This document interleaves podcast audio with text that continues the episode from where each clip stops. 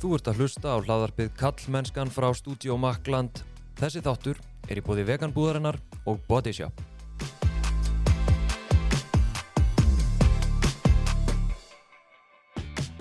Ég heiti Þorsteinn Má Feinarsson og sé einni um samfélagsmiðlinn Kallmennskan á Instagram og Facebook.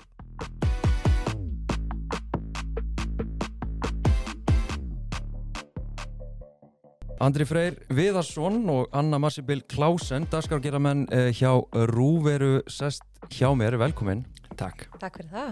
En ég sko hugsaði til ykkar, mér langaði svo að fá dagskargera fólk og ég hugsaði til ykkar tvekja þegar mér finnst þið eh, að öðrum ólöstu, mér finnst þið svona einhvern veginn bera af, það er svo ótrúlega, get ekki alveg líst í, en svona gæðin í því sem að þið eru að gera eins og þú, Anna Massi, sko, við förum aðeins inn í það eftir, eh, um hérna pistilinn sem þú fluttur um daginn, eh, um, eh, þú kallar það fjölmiðla landslag samtímans, Mm, förum aðeins inn í þá eftir, ok. mannst það algjörlega magnað Takk. og svo að því að ég náttúrulega hlustaði á Freysa hérna, sem unglingur eða eitthvað Mm -hmm. eh, mjög svona óheflaður útastmaður og, og svo ertu komin inn á, á Rást 2 og mér finnst þú samt ná að vera doldið óheflaður þú ert doldið frábröðin öðru útastfólki á, á Rást 2 Já, ég hef heyrt það. Ég hérna, uh, hef alltaf haldið mig það reglu að hugsa ekki of mikið á nýja tala. Uh, mörgum það skrítið en, en, en það hérna, ég held að maður virki samt eðlilegri þannig. En maður, uh, já, geða það sérstaklega maður í beitni og er í, í samtölum við fólk sem maður er í viðtari á menni og það er kannski náttúrulega, við erum alltaf tvö Já. í, einu í síðdeisúttarpinu þá virkar það meira eins og samtal hugsa ég, svona, það er svona Mm einhver tækni sem ég hef tilengað mér sem er samt í rauninni ekki mikil tækni en jú, kannski finnst það ykkur um að vera kunst Það er klálega kunst. Þetta er eitthvað sem að sko, fólk bara fyrir gegnum margra ára æfingu í að hljóma eðlilegur í útvarpi. Já, Og það er bara sumir, sumir eru með hennar vöðva alveg náttúrulega og aðrir ekki og við sjáum það náttúrulega mjög mikið þegar að, það er eitt að tala saman náttúrulega en síðan þegar maður fyrir að lesa það er til eitthvað sem er kallað svona í náminu mínu í bandaríkjunum þá var að kallað NPR talandin NPR sem er svona rúf í bandaríkjunum ah. og það er uh, rúf talandin þar sem að maður les alltaf eins og maður sé að lesa fréttir já, eða eins og maður sé á þeirri hávirðulegu stöð rás 1 en það eru þetta eins og við erum að sjá með hlaðvörpin að fólk vill að það sé talað eins og bara maður sé manneskja. Maður, maður vill, auðvitað, sko ég elskar úftalandan, tek það fram, mér finnst hann æðislegur. En þegar ég var í náminu mínu þá var bara, hann var bara barinn úr manni það bara hljómaði bara eins og sér að tala við einhvern. Já, bara svona venjulega. Já, að geta verið með svona, bara svona samræðu talanda þó að þú sérst að lesa texta og ef þú ert að tala um manneski við séum ekki alltaf að setja okkur í einhverja stellingar því að þannig er mitt náum við eins og Andri Freyr nær mjög vel bara eðlilegum samtölum og sem að eru kannski þá nær einhverjum svona bara sannleika heldur en stellingarnar sem við förum í eins og maður finnur þegar fólk er í alvarlegum viðtölum og svo slekkum maður á mæknum og þá allt í henni eitthvað, ó já, heyrðu, svo er nú þetta hér já, já, já, já. Svo líka sko eh, svona ég held líka í öllum samtölum að, að skipta eh, um skoðun oft í samtalinu. Já, meðan á því en stendur. maður er ofta, ofta að læra já, nú ok, já, ég held að, já, þú meina þá náttúrulega, já, auðvitað, það er miklu betra skilur, þú veist, þannig að það, það, má líka sko, Mhm. en þetta er eins og þú segir það er búið að berja þetta úr þér sko í, í náminu, margra ára þú veist, nám og annað slíkt, en það er náttúrulega maður var ekki svona fyrst sko, Nei, það er mjög dapurlegt að heyra uh, já, uh, upptöku á kassetti sem að stað leynist heim af, af öðrum þættinu sem ég gerði. Að það var, það var, já. Er það í sítið þessu darfinu?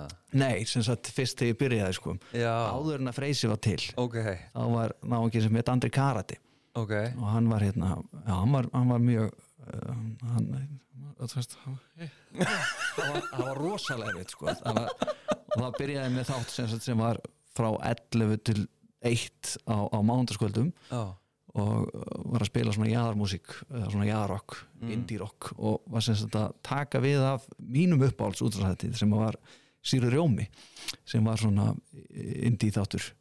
Og það var rosalega erfitt sko og ég eh, einhvern veginn vildi ekki að neitt myndi hlusta sem ég þekkti. Uh, var, var, var svona pínur að reyna að halda þess út af fyrir mig.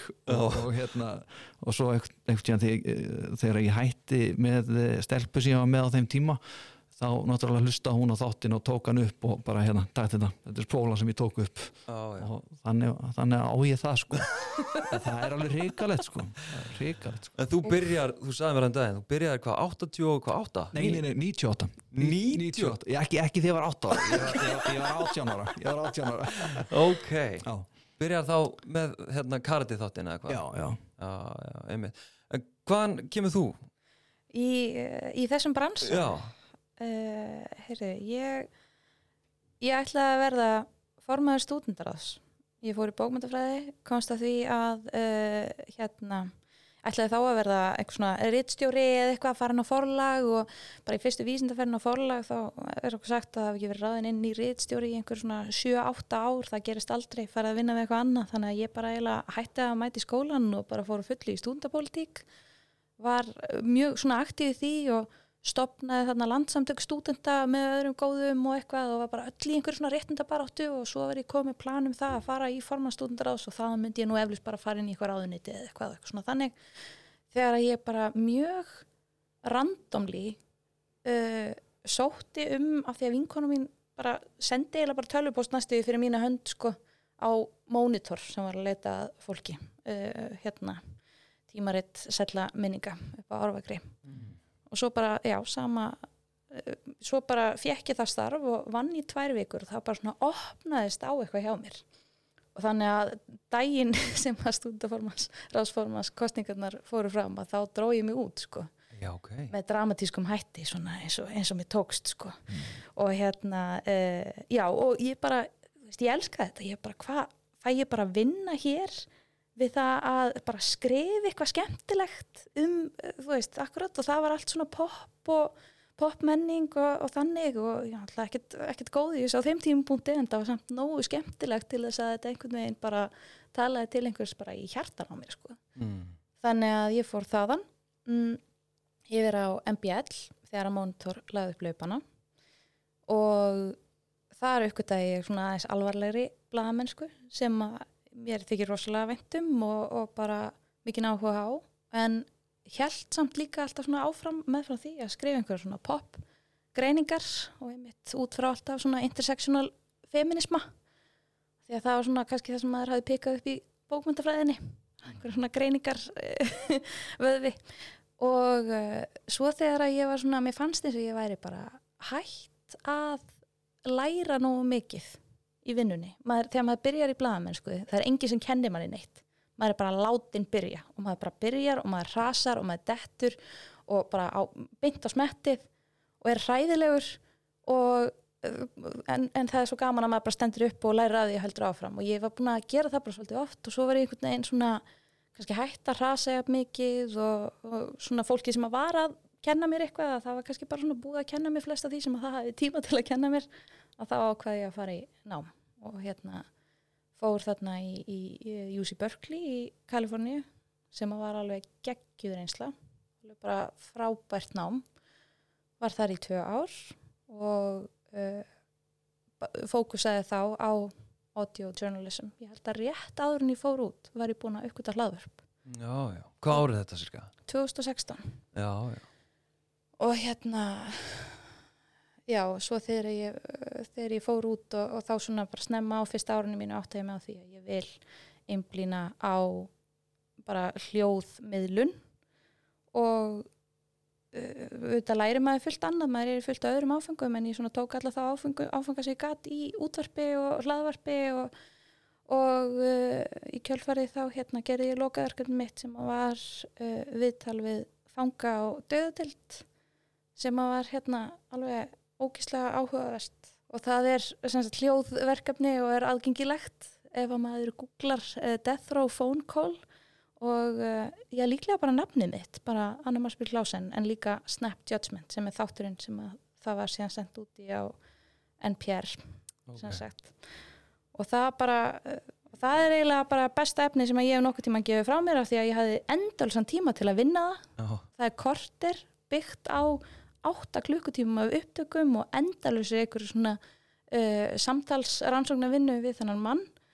Og síðan bara byrjaði ég á rúf bara um, þegar ég kom heim og uh, hef þá, þú veist hef þá sólaring til þess að vinna kortisefni á hverju degi. Og það er svona það er svona aðeins öðruvísi Já. en uh, ógeðslega skemmtilegt. Þannig að núna er ég í lestinni á rás 1 en gerir líka alls konar aðrar uh, svona þáttaræðir meðfram því Einmitt. var þetta ekki góð yfirferð? Jú, Eh, jú. rosa, bara æfisagan rosa góð yfirferð og svona einmitt Andri, ef, þú rekur aðeins frá karate og, og í sítaðis útvarfi hva, Mm. hvernig er þessi ferill? Um, hann er uh, já, sem sagt svona, það, það er eiginlega fyrsta fjölmiðla gigi mitt, það er þetta uh, útvarsátturinn Karate sem var á Exunu uh, 98, seinta árunni 98 þá byrjar hann. Svo var ég líka að, aðeins að skrifa líka í, í hérna uh, undirtóna á sín tíma og fannst það rosalega skemmtilegt. Og síðan sem sagt detturinn gig uh, þar sem að ég þarf að fara á helgarvaktir á Exunu að það dettur ykkur út þar og það var mjög skrítið að koma sem sagt allt í einu inn í svona playlist útvarp og þá var sem sagt var að tala um það á, þeim tímum sem fýtt miðl var þá kom kanin og tók yfir og komið svona nýja reglur í Íslands útvarp. Og það var bara því minni sem playlistin er því betra. Og það fannst mér rosalega skrítið. Og þá var hugmyndin sem sagt að, hlustandinn sem hlustar á stöð hann á að geta heyrt Take Me Higher með krít þegar hann kemur inn í bíl og er að kera í vinnuna. Þú veist, hann á að geta í vísu annarkvæmt á leiðin í vinnuna og úr vinnuna þá heyrir hann sko Lord of the Boards með góðan á Apes, að hann elskar það sko. Og það var svona tónlist sem að mér fannst ekki skemmtileg sko. Og þá þurfti ég sem sagt að breyta um nafn svo ég geti verið samfærandi að ég geti ekki verið á, á, á mándarskvöldum að spila það sem að mér var svo kært, tónlistir sem að ég elskaði og verið svo bara með helgar að- spila eitthvað sem að var ekki, ekki mitt sko þannig að ég, ég breytið á nafn og breytið líka um rödd talaði herra uh, og uh, snýra einhvern tökum á mixetnu þannig að stillingin var öðruvísi þannig að það var, það var munur á þessum karakterum. Áttu röddina en þá til? Getur þú fundið hana svona? Já, sko, mér var kent að, að hérna, af, af Don Balla Funk eins og hann kallaði sig á Exxon á sín tíma.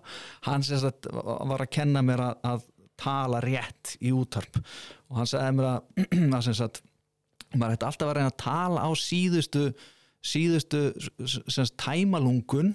Og sagt þannig að veist maður, maður tæmilungun einhvern veginn og þannig að maður getur komið sko þetta er galvanized með chemical bonds hérna á Exxon 97 þú veist þannig að þú ert á síðustu þú ert á sí- síðasta andan þetta þannig að maður er að riðja þessu út í sér og já, Exxon 97 þú veist þá í gang sko. Ok, en svo með karate þá gaf maður sér aðeins meiri tíma. Já, já. Að segja hvað fyrsta platan hétt og, og, og hverju var í hljónsettinni og hvað hérna útgáfrið ekki gaf út og, og allt það sko. Já, og hérna, já, og svo meiri þess að þá, þá að, gruna að þetta væri samaðurinn til að, að, að hérna, villa ennþá meira fyrir fólki, þá tók ég viðtal við andra karði þá tók, tók Freysi Freysi tók síma viðtal við hann Ok. þar sem ég á búin að taka upp svörin með andra karði, hann var alltaf hissa á þessu. Þannig að Freysi ringir í hann og hann bara, er það fólk að tala um að hérna, þessu samaðurinn og nú, ok, skytið og hérna var heilangt viðtal sko.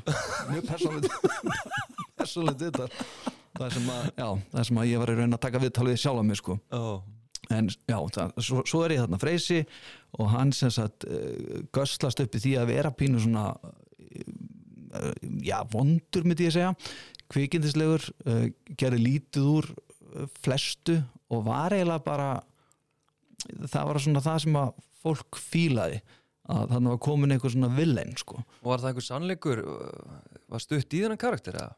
Nei, það var það enn ekki sko. Og, en hann, hann varð einhvern veginn til og svo varð maður að vera hann. Já, já, og þetta var rosalega skrítið að því að maður kom stundum við vinnuna þá þurfti maður að skrifa undir eitthvað afsökunarbeinir sem að yfirmaðurinn manns var búin að, uh, var búin að skrifa fyrir mann til eitthvað poppara og einhvers fólks og svona og svo hérna var maður rosalega allt innu góður og svona passaði sig að fara ekki yfir þess línu. Og þá kom alltaf yfirmaðurinn aftur og sagði, herri, nú þurfum við að fá okkur að bombu hérna sko. Að það fór svo mikið í fjölmiðlunum sko þegar maður gerði eitthvað vond sko. Einmitt. En það er svona kom ég alltaf fram í, í viðtölum og, og, hérna, og öðrum stöðum með grímur. Já, já. og, hérna, og ef það var auðlýsing fyrir þáttinn þá var aldrei andlita á mér. Þá var það bara eitthvað á uglypeople.com eða eitthvað svona sem að var sett inn þetta var, people.com Mhm. og svo, gerði, svo kom Biggi Mausari og skrifaði uh, litla, litla frétt í, í fréttablaði sem var sem sagt þetta er freysi á öxinu og það var sérst mynda mér að spila í ykkur hljónsveit Mm. og það, það var svona hrundi svo veröld. Og, og svo eftir það kom þáttur sem heit Capone á annari stöð þar sem var með búa vinnum minnum sem hefði verið karættir í freysaðættinum hann var svona umferðagæn, eh, Gunni Gýr og svo eftir það þá hvernig var þetta, Capone svo fyrir til uh, flytti út til Danmörku og var þá með þátt með Dotta Litla sem heitir Litla Hammean það sem að Dotti var að vinna á Rúf og Rástvö og það semst tekja tíma þáttur hverja helgi þar sem ég sendi út frá Köpen og síðan semst fæði símtál frá Sigrun Stefánsdóttur og hún spyr hvort ég vilja gera svona útvarsinslög einu sinni, eða semst á, á föstu dögum fara að ferðast með Ómar Ragnarsinni og taka upp fullt af innslögum sem eru svo notið yfir helgina Mm. og ég sjálfsög gerði það og já, og, og svo einhvern veginn uh, já, svo komum við virki mótnar með Gunnudís En byrju, deyr Freysi þegar hann er uppljóstraður? já, í raunni, þegar hann er opinberaður sko, þá, þá var gaman í búi sko. Já, já. já, þannig að byggi mausar eiginlega drap freysa sko. wow. já, hugsa ykkur og svo einhvern veginn þá eh, stutt eftir þetta þá var X-lagt niður, þá opnaði önnur stöð sem heit XFM eða hérna, hvað það var Reykjavík FM ég manna ekki, voru nokkar stöðar sem komu þarna maður partur af þeim öllum. Og já, svo kom þarna virki mótna með Gunnudís, þættir sem voru mótana á Rástöðu sem var mjög skemmtilegt og, og það var mjög svona eh, mér fannst það skrítin samsetning að því ég og Gunnudís hefum unni saman í sama svona kjarna. Hún var að vinna á Stereo eða Kiss FM, þá var ég á XFM og það svona var svolítið kalt á milli okkar. Við vorum mjög ólíkir karakterar varst hún bara vera eitthvað svona uh, og henni varst ég alltaf að vera pínu skítuður og, og, leiðilegur og, og dölgægir sko.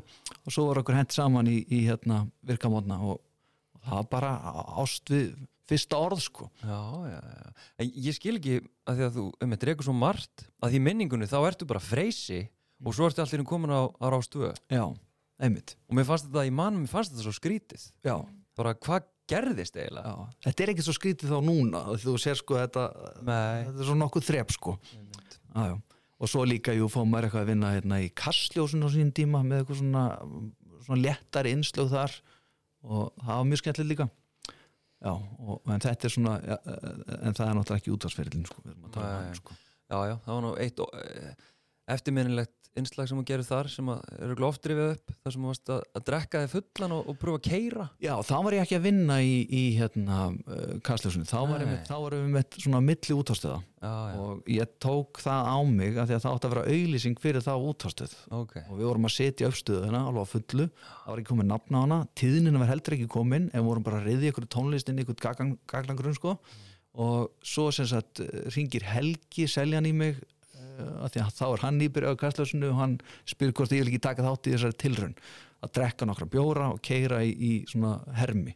Og ég, það er ekkert mál, þú veist, ég var drukkið nokkra bjóra og ég er líka alveg keirt, skilur kannski ekki fullur, en, en, en það var ekkert mál.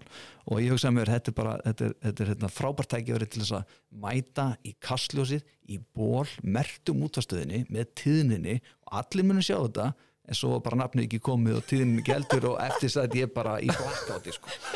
Og hérna og var fjölskyldur minni algjörlega til skamma Er það ennþá greið fyrir þetta? já, fólk er svolítið að rifja þetta upp. Já, og hérna, já, fólk hefur gaman að spyrja út í þetta. Já, já. En þetta var mjög erfitt, ég man að, að ég hérna, ringdi í ömmu og, og, hérna, og spurði hvort að afi var heima og hún sagði, ég myndi ekki til að spjalla hann akkurat núna. ég býða þess með það. Þetta var, það, það var það erfiðast í þessu. En Já. allir hínir í kringum með einhvern veginn, mamma og pappi og svona og þeim fannst þetta bara ægilega skemmtilegt sko, og fyndi sko.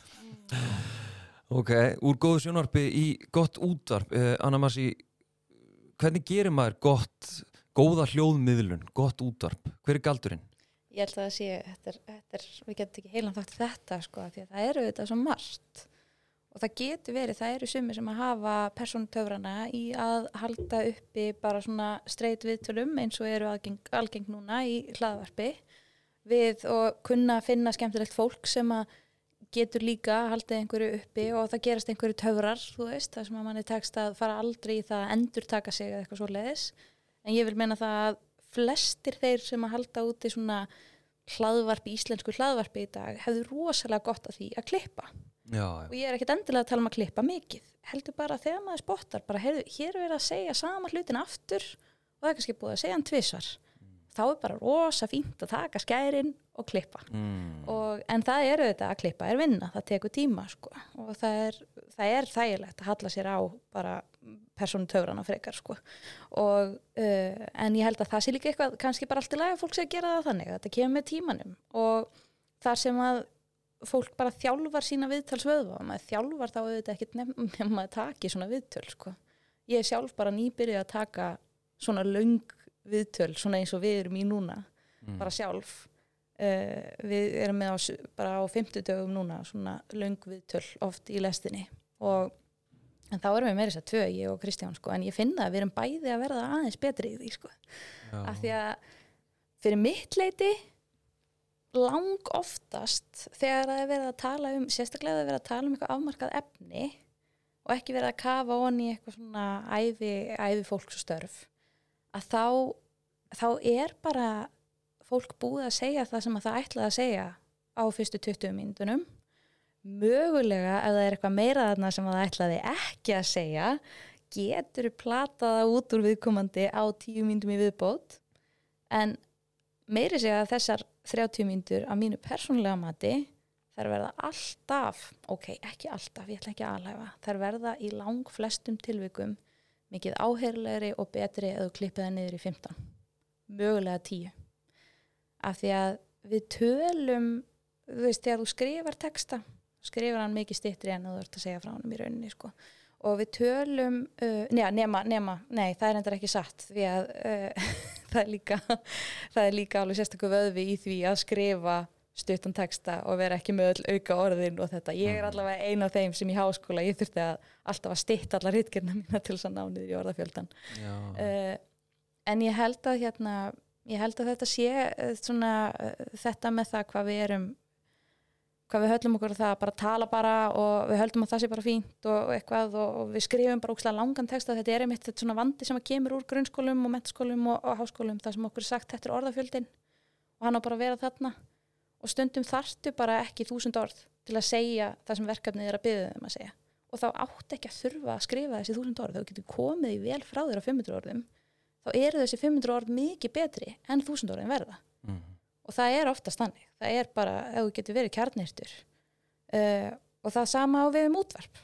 Þannig að þú ert ekki mjög hrifin af þessum löngu podcastum sem eru allt upp í sko fjóra klukkutíma. Nei, alls ekki, ekki upp í, ekki upp í fjóra tíma sko. uh, en hérna ég sé alveg, ég sé alveg gildið í því að vera með lengri hlaðvörp og það sem að getur virkilega kafað svolítið djúpt onni í skemmtilegt fólk og skemmtilega efni og svoleiðis. En svona fyrir uh, uh, það, sem að, það útvarp sem að ég er hrifnust af það er svona narratíft útvarp sem að snýst þá um að segja sögur og snýst um kannski einhvern veginn að auka, auka einhvern svona skilning á einhvern svona oft svona eins og mér svona skemmtimentun mjög skemmtileg svona infotainment. Það sem að er kannski flóknir hlutir eru settir fram á bara svolítið svona skýran hátt og maður lærir eitthvað og besta leiðin fyrir okkur mannfólkið til þess að læra hluti og bara ná í nýjar hugmyndir og skilja nýjar hugmyndir er í gegnum sögur. Ef að ég get sagt þér einhverja sögu um, þú veist, bara, þetta er bara minni líka, ef ég get sagt þér einhverja sögu um af hverju þetta herbyggi er fjólublátt, þá mynd þú muna mikið betur að þetta herbyggi er fjólublátt en að þú kemur inn í að einu sinni sér það er fjólublátt og kemur ekki inn í afturskilju eða einhver segir bara herbyggi er fjólublátt. Það eru veist upplýsingar í sagnaformi, við erum bara mannskefnani búin hann til. Og það er þess vegna við getum alveg bara horta á biblíuna sem dæmi, það dæmisögur eru, veist, þær eru notaðar til þess að kenna af því að sögur eru góðar til þess að kenna.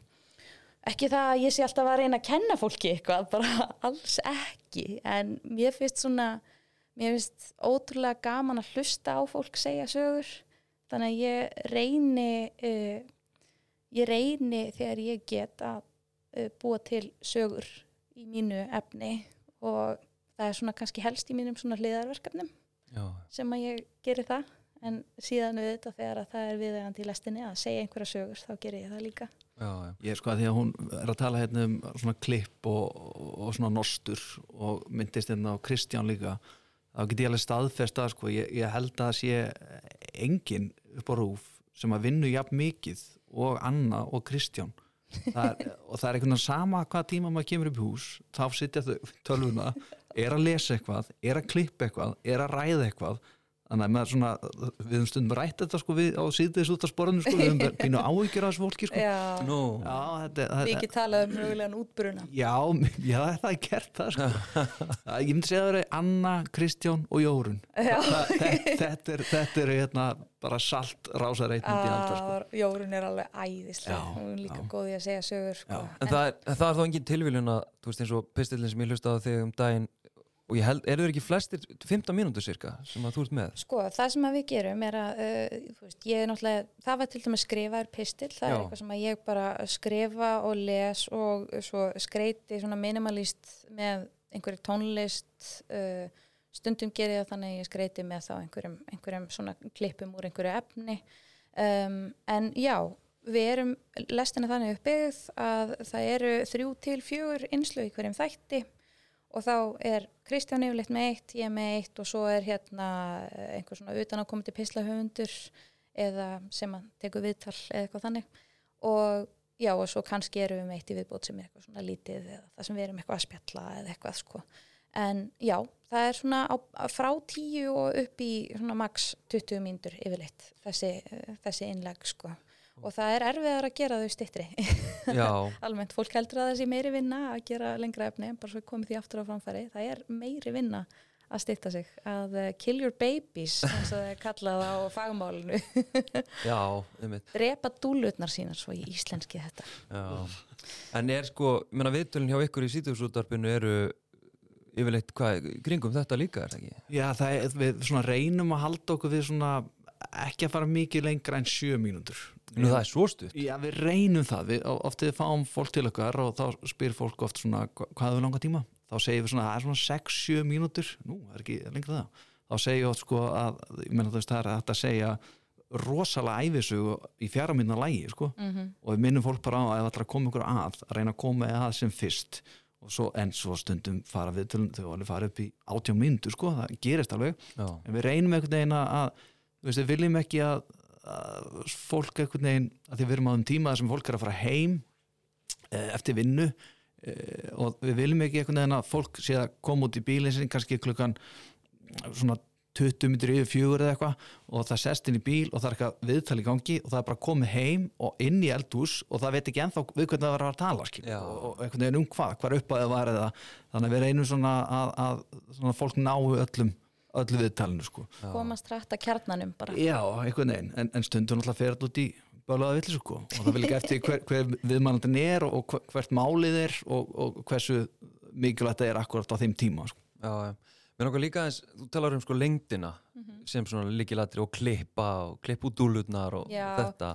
En svo skal segjast líka, ég meina kannski er ég með jafn langt viðtal og andri eins og ég hef bara munurinn að ég er ekki gert í beinni þannig að ég get nostrað með því að setja inn hljóðskreitingar og svoleiði sko. Já, og það er eiginlega skemmtilegasti parturinn sko. Það er mjög skemmtilegt. Maður, maður er verið í því líka, það er, það er mjög gaman. Þegar maður fyrir út úr húsi, tekur viðtal að taka um umhversljóðin og Mhm. annars líkt skilu búa til hljóð heim það er, það er þá er maður að búa til bíó þá verður það sem að sko, því eirun eru svo sjónrætt miðl fólk einhvern veginn pælir ekki í því en sko þegar að við erum að horfa á sjónvarpið og við sjáum allt sem er að gerast þá bara, þá er ímyndunarflega ekki í gangi á sama hátt.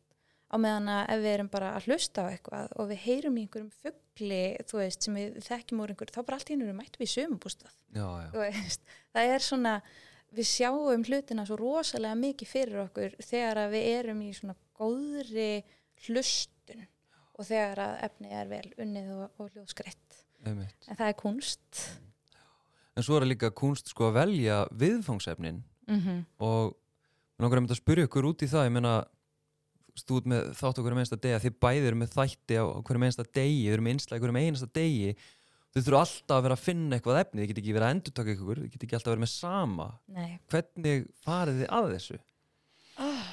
Andri, hvernig fyrir þú að Ég þessu? veit það ekki, það, það er, maður reynir átt að finna svona annan vingil og maður reynir átt að finna fólk sem að er ekkert alltaf að tala við og sérstaklega að maður fyrir út úr húsi. Ég maður mjög, mjög skemmtilegt á sín tíma að heimsækja uh, konuna sem að sér um sjoppuna í borgarspítalunum og vera hans með henni og fá þálið sko. Og það hljómar svo geggjað einslega. það er mjög skemmtilegt og, hérna, og hvað, hvað fólk er að kaupa og hvað sem munar hvað, hvað sjúklingarnir eru að kaupa eða hvort að þessi aðstandendur sem eru að koma í heimsótt hvað þeir kaupa, hvort sé öðruvísin hitt. Og bara stemningin almennt skilur og alltaf stundum er, er hún að afgreða fólk sem að er eh, mjög langt niðri og er bara í áfalli og mikill sorg. Og stundum er bara einhver að stökkva niður og kaupa jógurtanda konunu sinu sem er nýbúin eignast bann það er svona allt annar pakkir sko. Um, en maður reynir átt að finna svona aðeins öðruvísi vinkla. En, en, en eru kannski endilega veist, það er kannski stór mál. Þetta búið að vera á vísi, þetta búið að vera á fréttablönd þetta búið að vera á rúpunturis, þetta búið að vera allstar það er maður veginn að finna eitthvað aðeins aðeins öðruvísi sjónarhóttna já, og það er oft mjög gaman sko. Já. Þér tekst allan ofta að spyrja að því nú hefur komið heimsóktiðin Já. Þér tek- tekst ofta að spyrja svona spurningar sem að eða setja viðtal einhvern veginn upp á allt annan hátt heldur en kannski almennt er sem að mér finnst uh, mikill hæfileiki að geta gert það. Já, ég, ég svona, það, það er kannski orðið ómeðvitað en maður gerir það stundum líka því að fólk sem kemur í sætið til maður er í ákveðnum stellingum. Og það er bara svona, stundum er náttúrulega fólk líka að það er kannski komið fyrsta skiptið eða eitthvað svolítið sem finnst það rosalega erfitt. Já, og þá það maður einhvern veginn að- svona brjóta það gler og, og svona þetta er allt í læg er allar, allir hérna eru manninskjur sko, og við erum að vitlega einhvern veginn þannig að þú veist, við erum að gera þetta saman sko. þannig að það er kannski það sem að maður svona reynir að hafa leðalösu sko.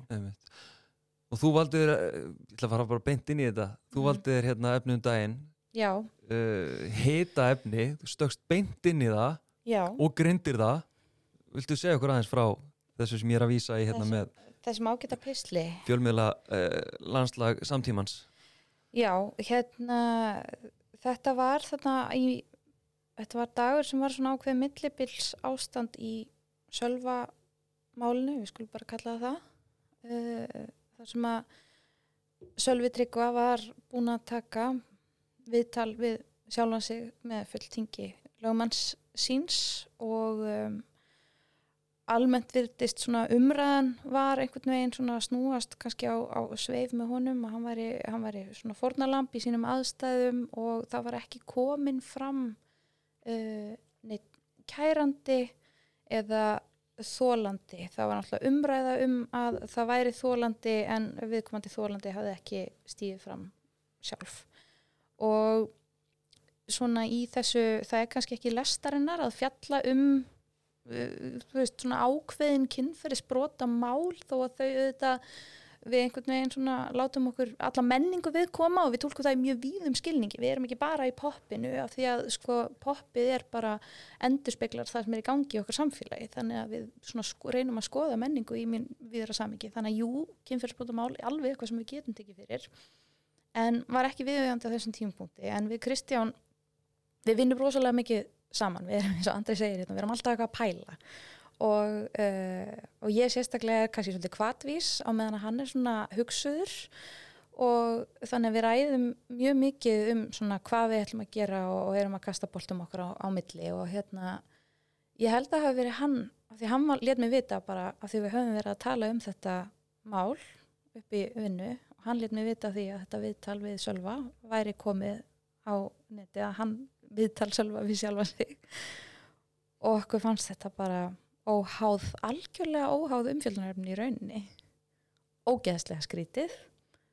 Og ennþá skrítnara í ljósi umfjöldunarefni sinns af því að eh, manni þátti, þótti líka alveg ljóst á þessum tímpunkti og, og kannski vissi ég örlíti meira en almenningur bara af því að svona, svona þessar svona undirheimar kvennfólks nú orðið þar sem að berst með ímsum leiðum, ímsar upplýsingar til manns að þá þótti, þótti manni alveg ljóst að það myndi fyrir það síðar koma fram þólandi, stíga fram hvernig svo sem það erði en já, óháð, því að þá hérna, uh, sem sagt við höfum ekki talað um en ég sá ekki fyrir mér að við myndum krukka einn dýði en svo saði Kristján við mig hann í morgunin bara þurfum við ekki einhvern veginn að adressa þetta? Af því að við fjöllum reglulega um fjölmiðlun af því að fjölmiðlun er gríðarlega mikilvægur þáttur í okkar menningu, fjóraðavaldið og, og ég einhvern veginn bara sagði bara já, leið mér að hugsa þetta og svo bara settist ég niður og ég byrjaði að skrifa pistil og pistilin fjallar uh, Kristján sagði að ég væri búin að finna svona nýja leið til þess að bara, uh, bara einhvern veginn signa mig frá allri ábyrð alltaf með því að segja bara þessi pistil, hann fjallar ekki um þetta, hann fjallar bara um eitthvað annað. Þegar að auðvitað er ekki fyllilega hægt að aðskilja þennan pistil frá uh, kannski, ekki að segja að hann fjalli ekki um kynferðsofbildi að það er grunnurinn af þessu viðtali sem að Sölvi tekur við sjálf á sig. En pistilinn snýrist um þessa þróun að uh, sagt hvernig svona þessi djúpu persónulegu uh, viðtöl þar sem að fólk berskjaldar sig gjörsamlega hafa svolítið verið að uh, verða fyrirferðameiri á bara okkar fjölmiðlamarkaði, hvernig þau í rauninni sko halda bara mörgum fjölmiðlum á floti í dag, hvernig það tengist, veist, aukin svona, aukin engavæðing viðtalsins, tengist kannski aukinni engavæðingu fjölmiðla og leiði það síðan áfram í hvernig uh, Sölvi er byrtingarmynd þessar engavæðingar viðtalsins þar sem að hann tók djúb persónleg viðtöl sem að einhvern veginn snýrist líka alltaf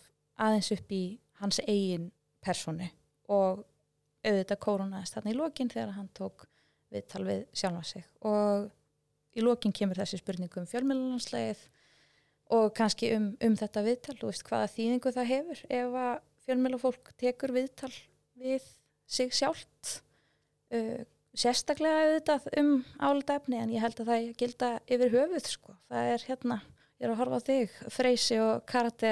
Já, ég er, nata, ég er að hugsa allan tíma þetta, er svona hengsla fólki sem er að taka við til að sjálfa sig. Nei, en þetta fer eftir þetta fer eftir staðastund, sko. Af hverju, af hverju er maður að gera þetta? Er þetta svona eins og í þín tilviki ákveði leikrit, sko og þetta er, veist, þetta er einhvern veginn svona kannski, kannski svona hlut hlut af einhverjum brandara eða ádeilu eða eitthvað svoleiðis eða er þetta til þess að skapa ákveðna mynd af ákveðnum aðila, ákveðnum fyrirtæki, ákveðnum fjölmiðli? Er þetta, þú veist sko, hver, er, hver er tilgangurinn? Og svona þegar það kemur að álitamálum þá eru þetta alveg, þetta er alveg bara skýrt þegar það kemur að siðareglum bladamann að þú átt ekki að taka viðtal við einhvern sem að stendur þér nærri um álitaðmál í samfélaginu og hvað þá sjálfan þig og það er ekkert hægt að segja að hann hafi verið að taka viðtal við lögmannsins, hann var að taka viðtal við sig með fulltingi lögmannsins sem að núna hefur auðvitað beðist afsökunar. Og þannig að þetta, mér finnst þessi umræða sko, mér finnst skipta mjög miklu máli mér finnst skipta mjög miklu máli núna þegar að fjölmjölun er og sko það er svo æðislegt hvað fjölmjölun er að verða frjáls. Og hvaða eru margir frábærir einstaklingar sem bara eiga framtíðina fyrir sér í fjölmjölum byrjaðir að vinna í einhverjum svona eigin hlaðvörpum og, og finna leiðir til þess að miðla án þess að það þurfi stærri fyrirtæki að koma þar nálagt því að litlir fjölmiðlar eru skipta rosalega miklu máli. En sko persónulega myndi ég vilja sjá að þeir einmitt svo fjölmiðlun færi út í meiri fréttamennsku eða út í meiri umfjöllun um svona samfélagsmiðlega mál og kannski minna um hinn persónulega vingil þó að það sé það vinsæla að þá kannski skiptir hitt meira máli. En, en þegar að þetta er orðin nýrverulegi á íslensku fjölmiðlamarkaði þá já, þá er það eitthvað sem við þurfum að velta fyrir okkur. Hvernig passar þetta inn í er svona síðareglur og vennjur sem við búum fjölmiðlumennum og auðvitað í tilfelli Sölva, ég fattaði ekki fyrir en eftir á að ég gæti náttúrulega flett því upp að hann þetta var auðvitað í rauninni ekkert spurning með hann að hvort að hvort að hann hefði með sínum gjörðum veist, kannski, er, kannski er þetta spurning, ég ætla ekki að fullera það en hann er sem sagt meðlumur í bladamannafélaginu þannig að nokkuð augljóslega ættu síðarreglu bladamanna að eiga við um hann. En það Já. skiptir endar ekki málega svo stöldu það er hérna ekki hægt að kæra þetta viðtal til blagamannafélagsins af því að það er virt dómsmál sem að snýr að þessu tiltekna máli sagt, að þá, er, hérna, þá, þá hefur það forgang fram yfir, uh, fram yfir þetta úrskurða nefnd Já, gott að taka fram að við höfum engar skoðanir það, er, það er rosa trikki sko, að vera ekki með skoðanir. Og eins og annar að tala um þetta líka að, að veist, þetta er náttúrulega ákveðin tegund af öfga í, í eina áttina að, að veri raun að taka viðtal við sjálfan sig og á grafa alvarlega nótum sko. En svo erum við náttúrulega á þessum íslenska fjölumjölamarkaði, við erum á Íslandi það er mjög lítið. Það er þetta er svo hérna þetta er svo þunn lína sko a, að vera ekki að fjallum eitthvað sem að tengist manni á einhvern hátt.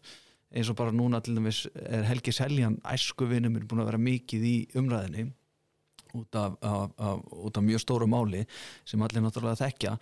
Og það er búið að vera svolítið erfitt að vera hlutlaus og, og einhvern veginn að, að tala ekki um hann sem þú veist að því hann er vinu minn sko, veist, og hérna, maður er ekki rosalega vænt um hann allt þetta Já. og er áhyggjur á hann og svona og vera svo bara að reyna einhvern veginn að vera hlutlaus að tala um þannig mál það er rosalega snúið dæmi sko. mm -hmm. stundu það maður einhvern veginn bara að halla sér aftur sem betur við erum við þrjú til dæmis í þættinum þannig að það getur einhver annar tekið á sig að gera það og þá setjum ég bara að hækka og læka og, og setjum svo lægið í gang sko.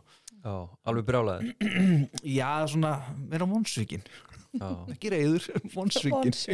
En ég ætla að elda þetta með einmitt þennan pistil sé uh, að því hann er svo augljóslega uh, sprettur hann upp úr svona þinni greiningarhæfni og feminisk reynsýn þinni og þekkingu og þú nefndi kvennasamstuðun og einhverja svona einhver undir heimar þarna kvenna.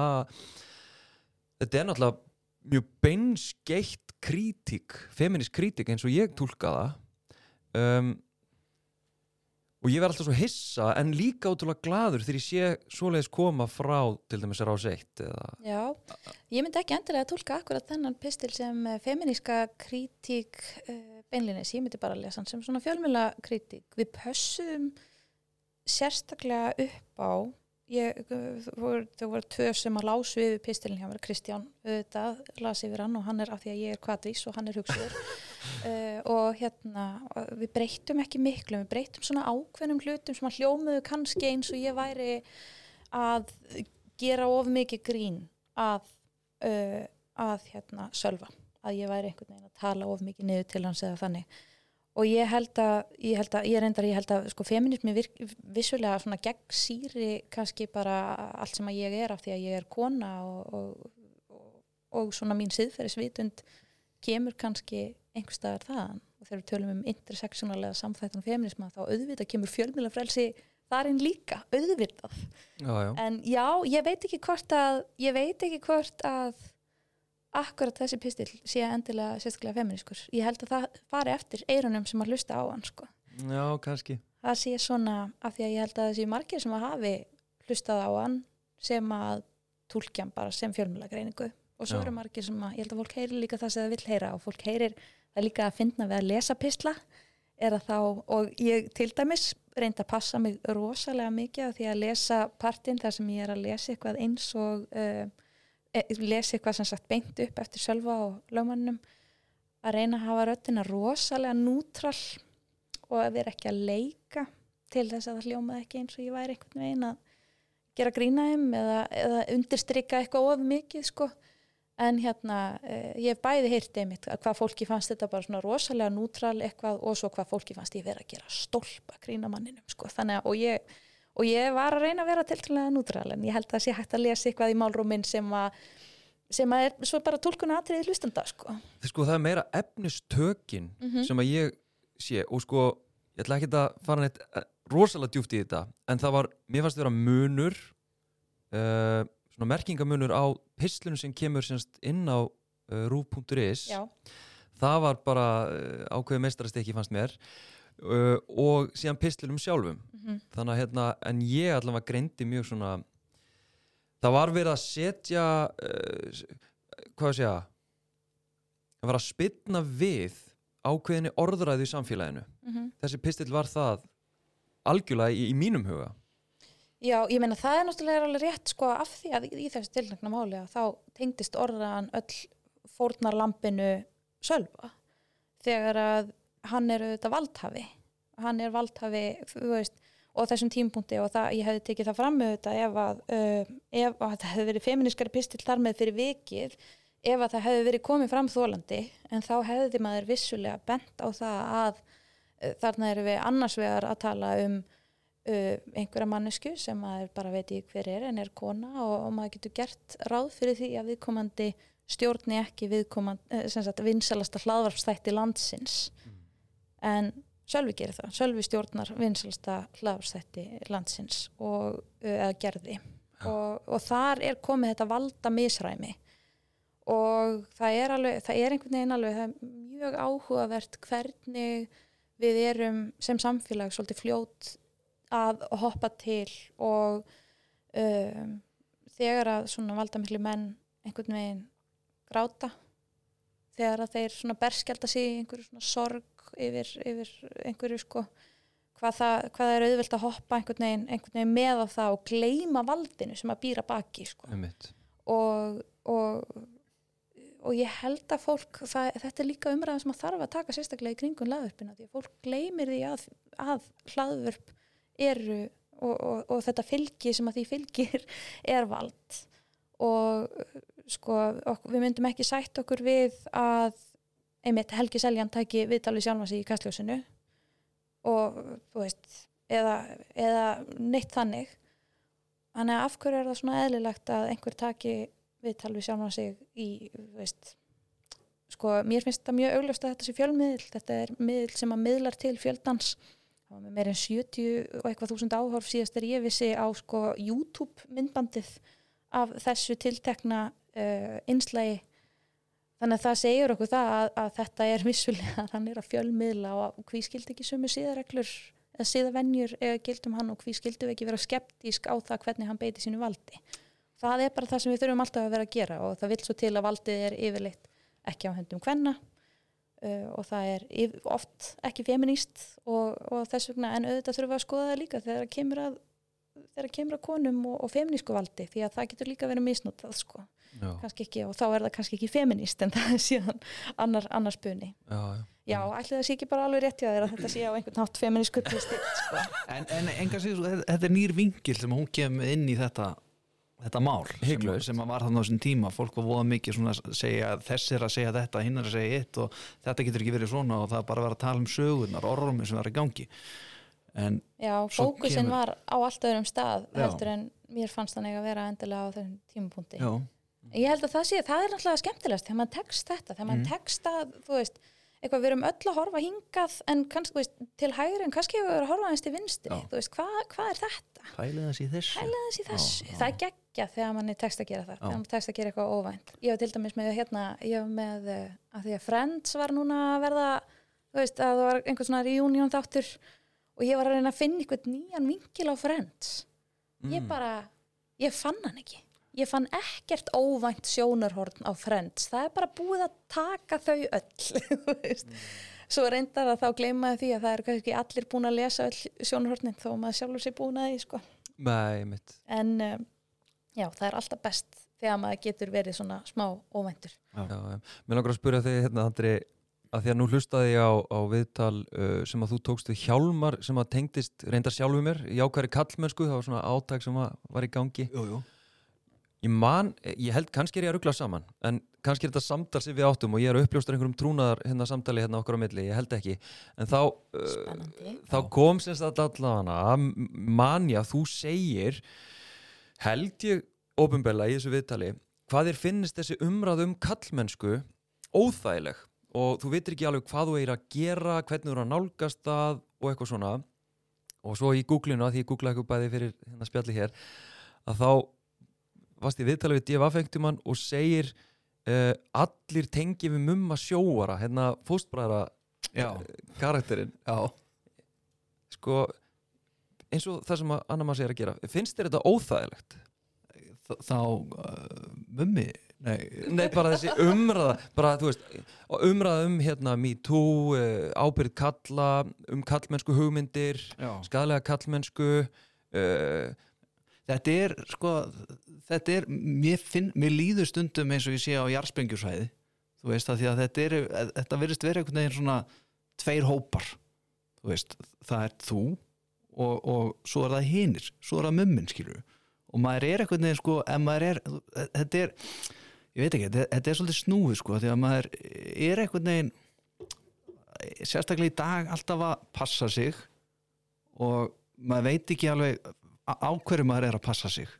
Þú veist, maður veit ekki maður vill alltaf vera maður sjálfur svo maður alveg, byrju, er ég er, er ég bara svona, þú veist er ég bara kallaremba eða, eða hvað veist, og, og þannig kemur Hjálmar sem er einhvern veginn svona einn ljúfasti eh, svona, ég myndi halda einn rétt sí- sí- sínasti maður sem maður hefur talað við sko. Já. og það maður svona pínu svona ok, maður er svona jafnvel stressaður en ef maður var að tala við Ólaf Ragnar Grímsson sko, því að svona ok, hva, hvað ætli Hjálmar finnst um þessa spurningu skilur, en, en þú veist þá er rosa erfitt allt í að vera maður sjálfur sko.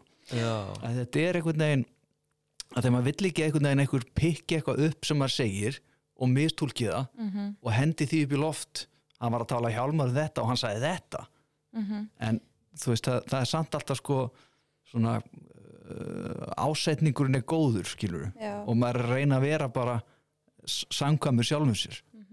En svo er maður einhvern veginn veist, í, í, í hvað flokk dett ég skilur, hvar, hvar, hvar lendir þetta skilur en, en já, það, ég, ég veit ekki er, maður er einhvern veginn á svelli sko Ég held að ég upplifði þetta alveg líka sko einhver leiti, ekki, ekki svo mikið með uh, konur og karla en til dæmis þegar að ég er að skrifa um eða taka viðtal við fólk sem er að vinna í málumnum þeldöks fólks, fólks sem er ekki hvít. Og, og ég hugsa, þú veist, ég meina ég er að koma hérna bara minni bestu vitund og öllu þessu og ég bara, ég er skítrætt um að glúra því.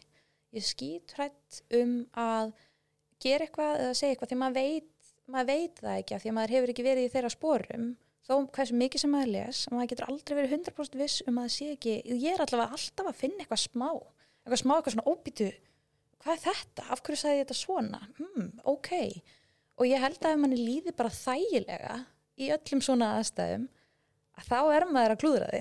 Það er það sem ég er á, manni á að okkur á að líða smá óþægilega og það á að vera í lægi því ef, ef okkur líður ekki minnst það svona með karlmenna sem eru bara sem að líður bara alltaf þægilega í öll svona með konur af því að þeir eru svo frábæri, þeir ekki neitt af sér skilju, það er alltaf bara þessi næs gaurar, góðu gaurarnir sem að síðan eigi eitthvað inni hjá manni sko.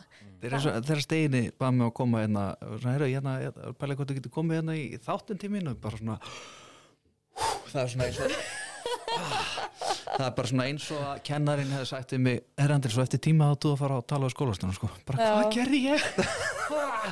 ég er bara svona, um hvað við að fara að tala? Uh, ég, gæt, ég gæti verið laus um hvað er að fara að tala. Svona, uh, bara svona fjölmiðla já, ég get það alveg. Maður svona er, að, að því að steinin náttúrulega er svona flaggberi mm karla sem eru feministar eða svona, já, algjörlega. Þannig að maður svona, ok, hva, hvað er hann að fara að tala um? Er hann að fara að tala um einhverja blöðbólskefni sem var á vegum Exins árið 98 eða 9 eða hva, hvað er það að reyða upp? Ef verið að fara að negla því já, heimitt, heimitt nákvæmlega. En hérna, þannig að núna er tækifærið, ef Já. þú vilt taka okkur og já, bara það er nefnilega ástæðan fyrir því, Andri, að við, nei, hérna, er já, en sko, fyndið að þú nefnir þetta, ég hef alveg gert tilraun til þess að fá hérna, ég var að segja, fána að bera einhvers konar annara kallmennsku hugmynda til mín í spjall, af því að ég er í alvörinu, mér finnst það svo áhugavert, mér langar, og það er ennþá daskar hjá mér, að hérna fá bara einstakling sem er gjörsamlega algjörlega ósamala mér og kannski flestu fólki yfir höfuð. Að því að mér finnst þetta svo áhugavert. Bara á hverju byggjuru þína lífsýn og, og skoðanir og gildismat og viðþorf Ég held að við almennt sko, og, og þetta er eitthvað sem ég hugsa oft um sko, er að maður gerir of lítið að því að tala við fólk sem maður er ósamála og það var hérna uh, vinnufélagi minn sem að sagði samt einu sinni við mig, eitt sem að ég hef haldið svolítið stert í, er að veist, aldrei að rífast við neitt uh, um, veist, um svona pólitík og, og, svona þannig mál uh, nefn einhver heyri. Af því að, af því að lang oftast, veist, ekki eða orku í að rífast við mannesku sem er fundamentali ósamálaði er af því að þið eru ekki að fara að skipta um skoðun. Hvort ykkar er að fara að skipta um skoðun en einhver er að hlusta að þá getur sá sem er að hlusta eða sá sem er að fylgjast með þræðinum á þessu Facebook-rifildi eða hvað sko, mögulega tekið eitthvað, eitthvað með eitthvað svona, eitthvað já heyrðu, þetta er eitthvað sko. Ég átti ógeðslega gott þannig moment þegar ég var í náminu út í bandaríkjunum. Þá fór ég sem sagt eh, fór ég á hérna ferðalag í svona Greyhound rútu í gegnum riðbeltið endaði og tók átti svona margar svona mjög svona bandarískar upplifanir. Ég var sem sagt að hérna taka viðtöl uh, þetta var svona að kortleggja rauðuríkin eftir, eftir Trump kostningarnar sem sagt. Það var bara beint eftir Trump kostningarnar basically og hérna og ég endaði uh, hafði farið í promverslun hafði farið að skjóta bissu og ég endaði á því að vera búin að bóka viðtalið konu sem að skipulaði Trump-rally þessi kona var eitthvað stressuð að hitta mig þannig að hún tók með sér sko eitthvað 18-20 manns sem að fólkið sem að mæti almennt á þessi ralli og ég endaði með að taka einhvern veginn viðtöl við öll bara. Og svo í lokin að þá, og þetta var rosalega áhugavert rosalega áhugavert að heyra hvað þetta fólk hafa að segja um sitt líf og svona og ég er ekkert sammála kannski mjög mörgu sem þar kom fram en skildi þau aðeins betur. En svo í lokin þá var hún rosalega þreytt. Ég var ekki undirbúin þegar þetta hefði komið bara beint úr útunni tekið þessi viðtöl við allt þetta fólk. Og það lappar hérna inn strákur um þrítugt sem að hann var bara svolítið, hann var svolítið seitt og ég er búin að uh, hafði eitthvað svona aðeins tala við hann einhverjum hóp. Og svo er ég bara að fara að panta ég er búin að panta út úberinn minna því að sko, þú veist, batterið í upptökutækinu mín er bara búið og ég er bara að deyja og ég er að komast heim á hótel. Og hann segir, heyrðu, ég held að þetta er að tala um mig. Ég hef nefnilega svolítið margt uh, merkilegt og, og hérna að segja og ég held að þú þurfur að heyra það sko. Og ég eitthvað útskýrði þetta fyrir hann bara, ég er, ég er búin að ringja á Uber hann kemur bara eftir uh, korter þannig að ég hef, þú veist, ég hef nokkra myndur þannig að endilega, þú veist, segð mér hvað þú vilt segja þannig að ég er bara svona meðtökja þó að upptökið þess að virka ekki. Og hann segir, ok, spurðu með einhverju og ég segi náttúrulega þannig virkar þetta ekki, ég hef búin að segja mig hvað þú ætlar að segja. Uh, og hann byrjar á einhverju svona góðu randi, skulum við kalla það um heiminn. Og svo er hann farin að tala um það, sko og hérna, vissið þú til dæmis og ég held að hann hef ekki gert sig grein frá því að ég væri frá Íslandi á þessum tímpunkti vissið þú að í Svíþjóð þá er annari hverju konu verið nöðgað af muslimskun innflytjanda og þarna misti ég bara, ég bara, nei, nei ég á búin að vera svo kurteis fram að þessu sko. Ég á búin að vera bara áhugaverð skoðun, segð mér meira. Og þarna misti ég, ég var bara nei, ég sem norræn kona get ekki tekið þessu.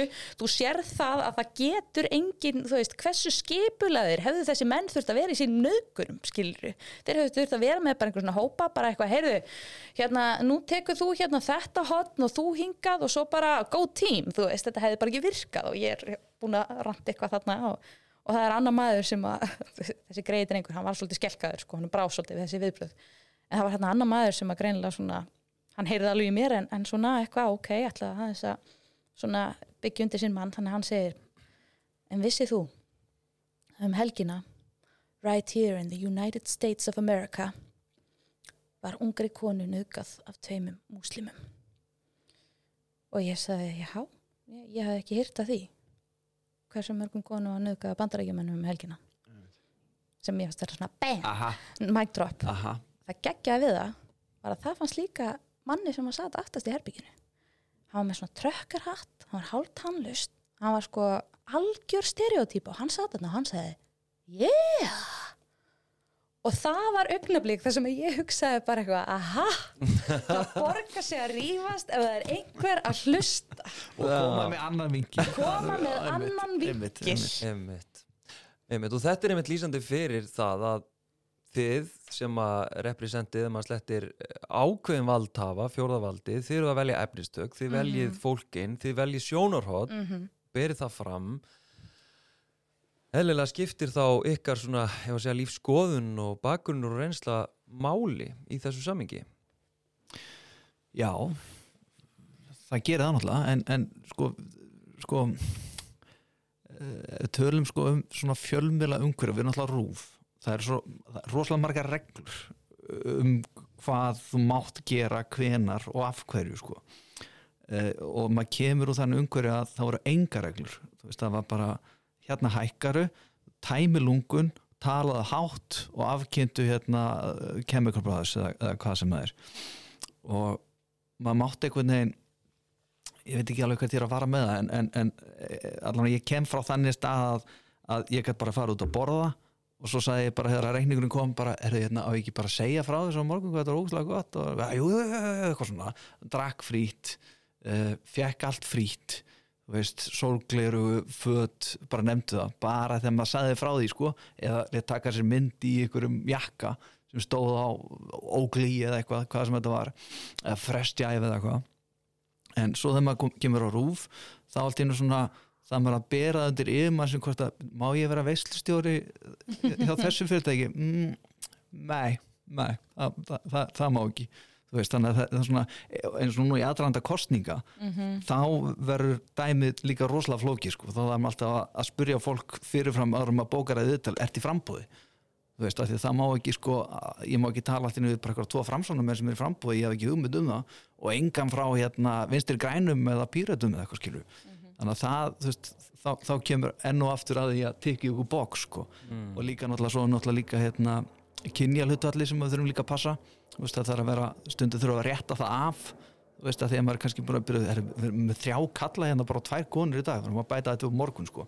og þá þarf maður alltaf að finna eitthvað annað kyn til að jafna það út sko. það er svona alls konar svona reglur sem að, maður þekkt ekki úr þessu umhverju sem að kom Þetta er úr, kannski, sko. þetta er kannski komið í ring Þú veist, þú ert að tala um hérna upp úr 2000 þá ert þú að fá alls konar plögg og, og eitthvað.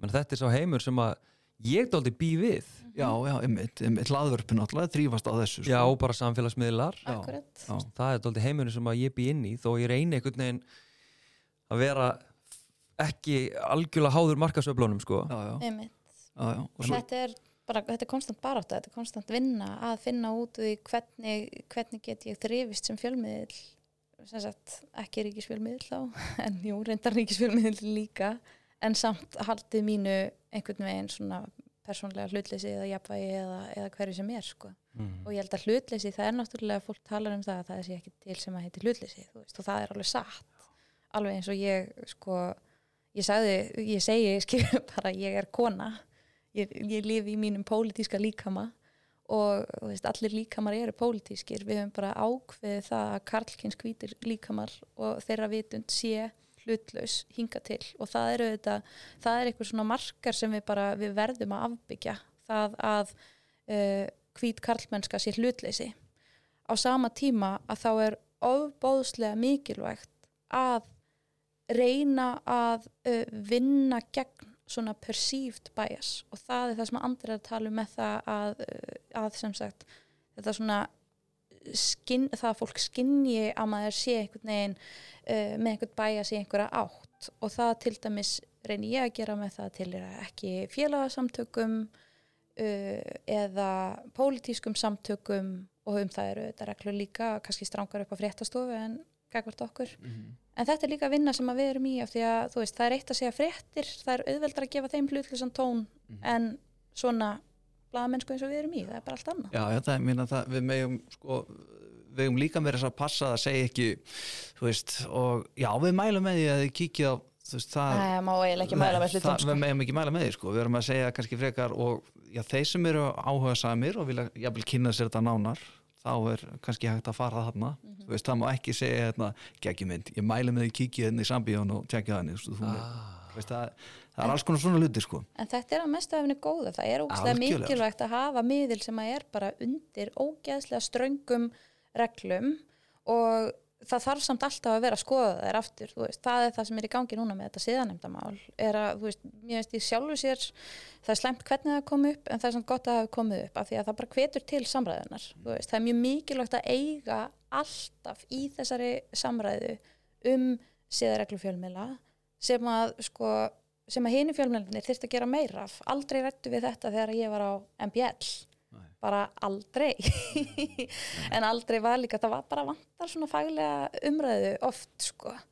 Og, og ég held að það sé eitthvað sem er óbúslega spennandi fyrir líka hlaðvar bara að koma inn í og fara bara að skoða eitthvað svona hvernig get ég haldið áfram að þú veist, halda minni svona operasjón gangandi og einmitt, verið með eitthvað svona spons en reynd að gera það samt á einhvern ethical máta.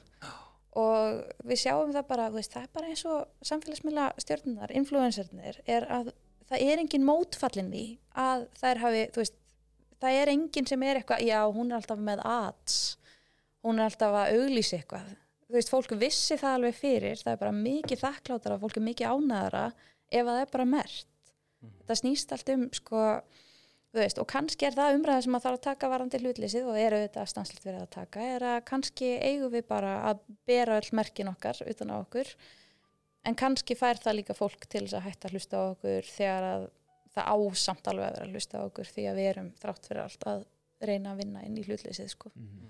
og það kannski fær alla til að fara bara út í eitt hotn og hlusta bara á Fox News. Já, einmitt. Og halda að múslimur hafi nöðgað halvur í Svíþjóð Já, einmitt mikið vandamál í Svíþjóð. Um, en ef við heimsækjum aftur hérna spurninguna sem að þú bast í pislunum Mhm. fræga um framtíð fjölmiðlunar. Mhm. og við erum að tala hérna inn í podcast og veist, hvernig sjáu þið svona þið er að starfa í útvarpinu, fjölmiðlun hvernig sjáu þið þróunina bara næstu árin, hvað mun gerast? Hvað mun breytast, verður einhver bylting? Verður þið farin að stofna ykkur eigi podcast? Já, Nei, ég, ég vona að ég verði áfram á, á rúf já, mér finnst mjög, mjög gott að vera þar.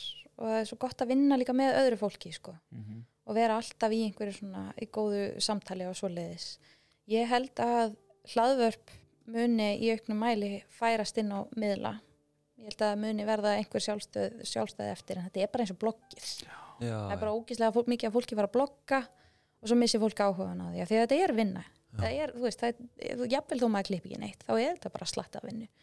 Og á endanum að þá sér fólk það annarkvort er fólk, kannski er enginn að hlusta því að það er svo mikið frambóð þú veist, þetta er bara frambóð, spyrnum þetta muni jafnast út. Og ég held að uh, flest hlaðvörp muni færast meira inn á miðlana. Við erum að vinna í hlaðvarps uh, upp á rúvar en að taka þau svona fastari höndum og bara gera þau að uh, annari miðlunuleið við erum útvarp í almanna þjónustu og það er bara okkar vegum að vera þar sem fólkið er og fólkið er á hlaðvarpi þannig að við erum að reyna að skoða það meira. Þannig að ég held að ég held að uh, rúf muni vonandi geta gert eitthvað sem að er kannski ekki á færi minni miðla í því. Einmitt kannski unnara efni fyrir vikið. Uh, ég veit það ekki, ég held að hérna það verið spennand að sjá hvort að rúf endist á uh, auglýsingamarkaði eða hvort að það takist loksins að taka, þú veist, breyta því. Ég er mjög hrætt um litlu, litlu miðlana. Sko litlu litlu miðlana bæði bara hverfismiðla uh, bæjarmiðla og svona, mér finnst vanta mikinn stuðning þar.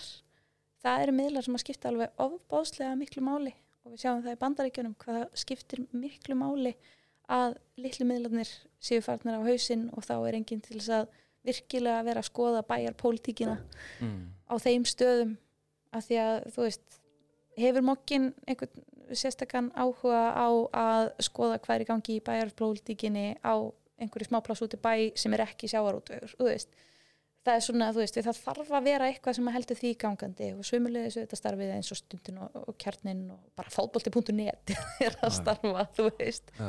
að það er eitthvað sem er óbærslega mikilvægt. Það er áhugavert núna með fjölmjölafjörumvarpið sem að stiður kannski einna helst við þá stærri engareknu fjölmjöluna hvort að það verði útvika setna og stiði þá minni eða hvort að það er mitt vinni gegn þeim minni ég veit það ekki, hvert held þú að fjölmjöla sé að fara? Ég held að uh, það sé bara alltaf að bætast eitthvað við það ég held að allt sem að kemur eins og hlaðvörp og blogg eins og nefnir, þetta er allt bara svona viðbætur við það sem að er.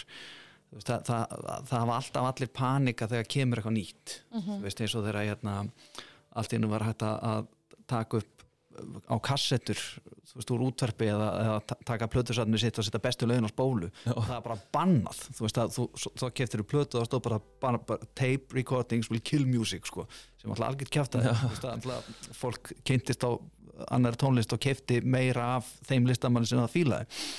Og eins með hérna til dæmis þegar, að- þegar að, hérna vítjotækin komin á heimili á fólki þá held fólk bara bíó að vera dögt sko. Og þá bara kom annað panik og allt nú er allir með svona þrývitakleiru í bíó og horfa okkar myndir skilur og, og bara til þess að fá fólk í bíó. Fólk hætti ekki að fara í bíó. Við erum, ennþá, við erum ennþá að fara í bíó. Og hérna þetta Video killed the radio star. Einmitt, það, það, það, það, það var ekki alveg sannsport sko. Þú veist, það er ennþá til vídeo og það er ennþá til radiostars og annað slíkt. Og ég held ekki að fólk vilji alltaf svona láta mata sig á einhvern hátt sko. Mhm. þú veist, þegar að hérna, jólin nálgast og maður er að hérna, skreita og taka upp skrautu og svona og maður nennir ekki alltaf að finna plötuna sjálfur situm maður bara jólarasuna á sko. þetta er ekkert mál sko, mm. og, og, og hún mata mann sko Já, og stundum sko sittum maður yfir sjónvarpinu og maður er að horfa á okkar drasl að þegar maður nennir ekki að pæli að sitja eitthvað annað maður hefur ekki alveg ork í það sko en svo stundum þegar maður er að gera eitthvað annað að taka til geimslunni þá sittum maður á gott podcast eða, eða hljóðbók og margir heldur kannski að hljóðbæ einhverjir hafa aldrei að hljóðbækum myndi drepa bækur en það gerði hann ekki neitt sko. Nei. þannig að þetta er bara meira úrvaldi og það Já, er bara, og bara stuðningur við allt hitt já, já. eins og til dæmis á rúf það eru margir þættir sem að eins og vera illa gott dæmi sem að er útásáttur sem að er líka eitt af laðarpum skilur og, það, og það, það gengur alveg upp sko. Einmitt. Mhm. En svo er reyndar áhugavert með útvarpið að nú eru útvarpin að uh, hverfa úr bílum. Það er svona áhyggjuefni fyrir útvarp sko að einhverju leiti en, og, og eitthvað sem er svona mikið talað um á alþjóðlegum svona útvarpsráðstefnum bara hvað ætlum að gera í þessu og, og ég vil að sko ég er að heyra þetta í fyrsta skipti ég, Já, ég Ég sko- kip sko. sko ég held að ég, held að ég sé uh, nú bara setja þann fyrirvara ég sé ekki 100% á þessu en ég held að ég bjöðs í samræðum við bílaframlegendur um bara hvernig ætlum að gera þetta eða því að við erum að frík út sko. já, já. uh, en, uh, en ég held ekki að maður er að frík út yfir því af því að ég held að núna er einmitt búin að vera þessi öll þar sem við erum einhvern veginn að velja alla tónlistin okkar sko og við erum að velja allt sem við erum að hlusta við erum að velja hlaðvarpið og eitthvað og, og það, síðan gerist þetta nákvæmlega sem þú segir að maður vill bara geta kveikt á einhverju og það er eitthvað sem að kemur á óvart þú veist, eitthvað sem maður viss ekki að maður myndi hafa gaman af en hei, ég hef bara gaman af þessu. Já. en það eru þetta það sem að kannski Spotify er að vinna með því að Spotify er að reyna að vera með sem sagt, er að byrja að byrja eða er bara alltaf með eitthvað svona útvarp og er að velja fyrir mann Já, já. en þau gera það samt eftir einhverjum ákveðnum svona ágískunum um hvað maður hefur gaman af Já, ég sagði bara síðast í gæru við dóttur mína því að hún vil bara hlusta á stafakallana í bílum sko. mm. og það er orðið helviti þreytt að að hlusta á stafakallana og ég var einhvern veginn að reyna útskýra hérna sko, nei nú, nú hlustum við útvarpi og ég nenni ekki að hlusta útvarpi og ok, ef þú ætlar alltaf að hlusta á stafakallana þá heyrur aldrei neitt annað Mm. þú verður, sko, stundum verður maður að hlusta í gegnum eitthvað leðilegt til að finna það góða sko. Já, segir hún ekki að hún sé í Bergmáls hellu þannig að þetta er, já, þetta er bara sagan endurlega seldi og, og það bætist alltaf eitthvað við og, og fólk finnir sér eitthvað við sitt hæfi og svo fer það aftur í gamla farið og þetta er bara, já, já, þetta er bara endalins já, þetta ringið er bara og, gott sko. já, ég og það er bara alltaf gaman einmitt, hversu, hversu mörg svona litaspjöld við séð í, í Bíkó eða húsarsmiðinu, það er alltaf að koma ný litir. Mm -hmm. hvað er rugglega það, þú veist, ég held að þetta vera löngu komið. Það er alltaf að koma eitthvað nýtt. Maður er að segja eitthvað litir sem maður aldrei séð. Mm.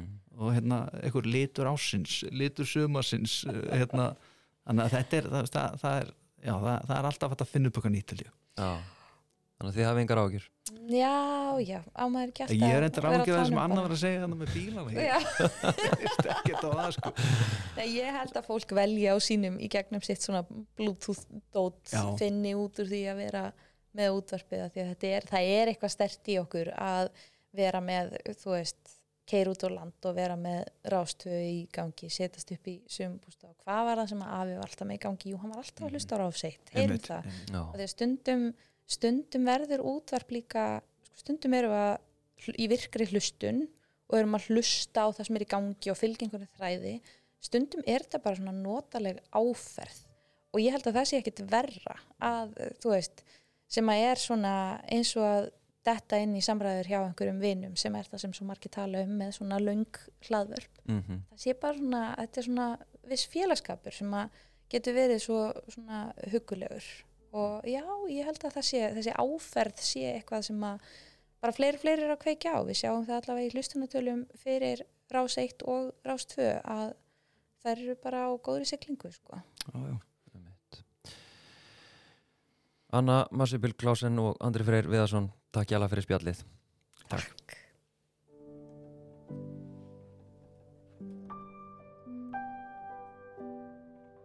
Ein spurning að lokum samt, ánum farið. Já. Hafið þið farið í veganbúðina? ég hef farið í veganbúðinu, já, já, já Ég hef farið í veganbúðina. það er, það, það er borðað mikill veganmatur heima konar er vegan og, og það er bara kærkomið þegar kemur eitthvað svona búð með eitthvað nýtt Já. Þetta var nefnilega fyrir svona samstagsæðalan sko. já, Svona bónusspurning. já, þú mátt þetta Ég má Já, þetta. við megum þetta ekki, sko. Já, við megum ekkert svona. en ég mæla ekki með henni en það sig þetta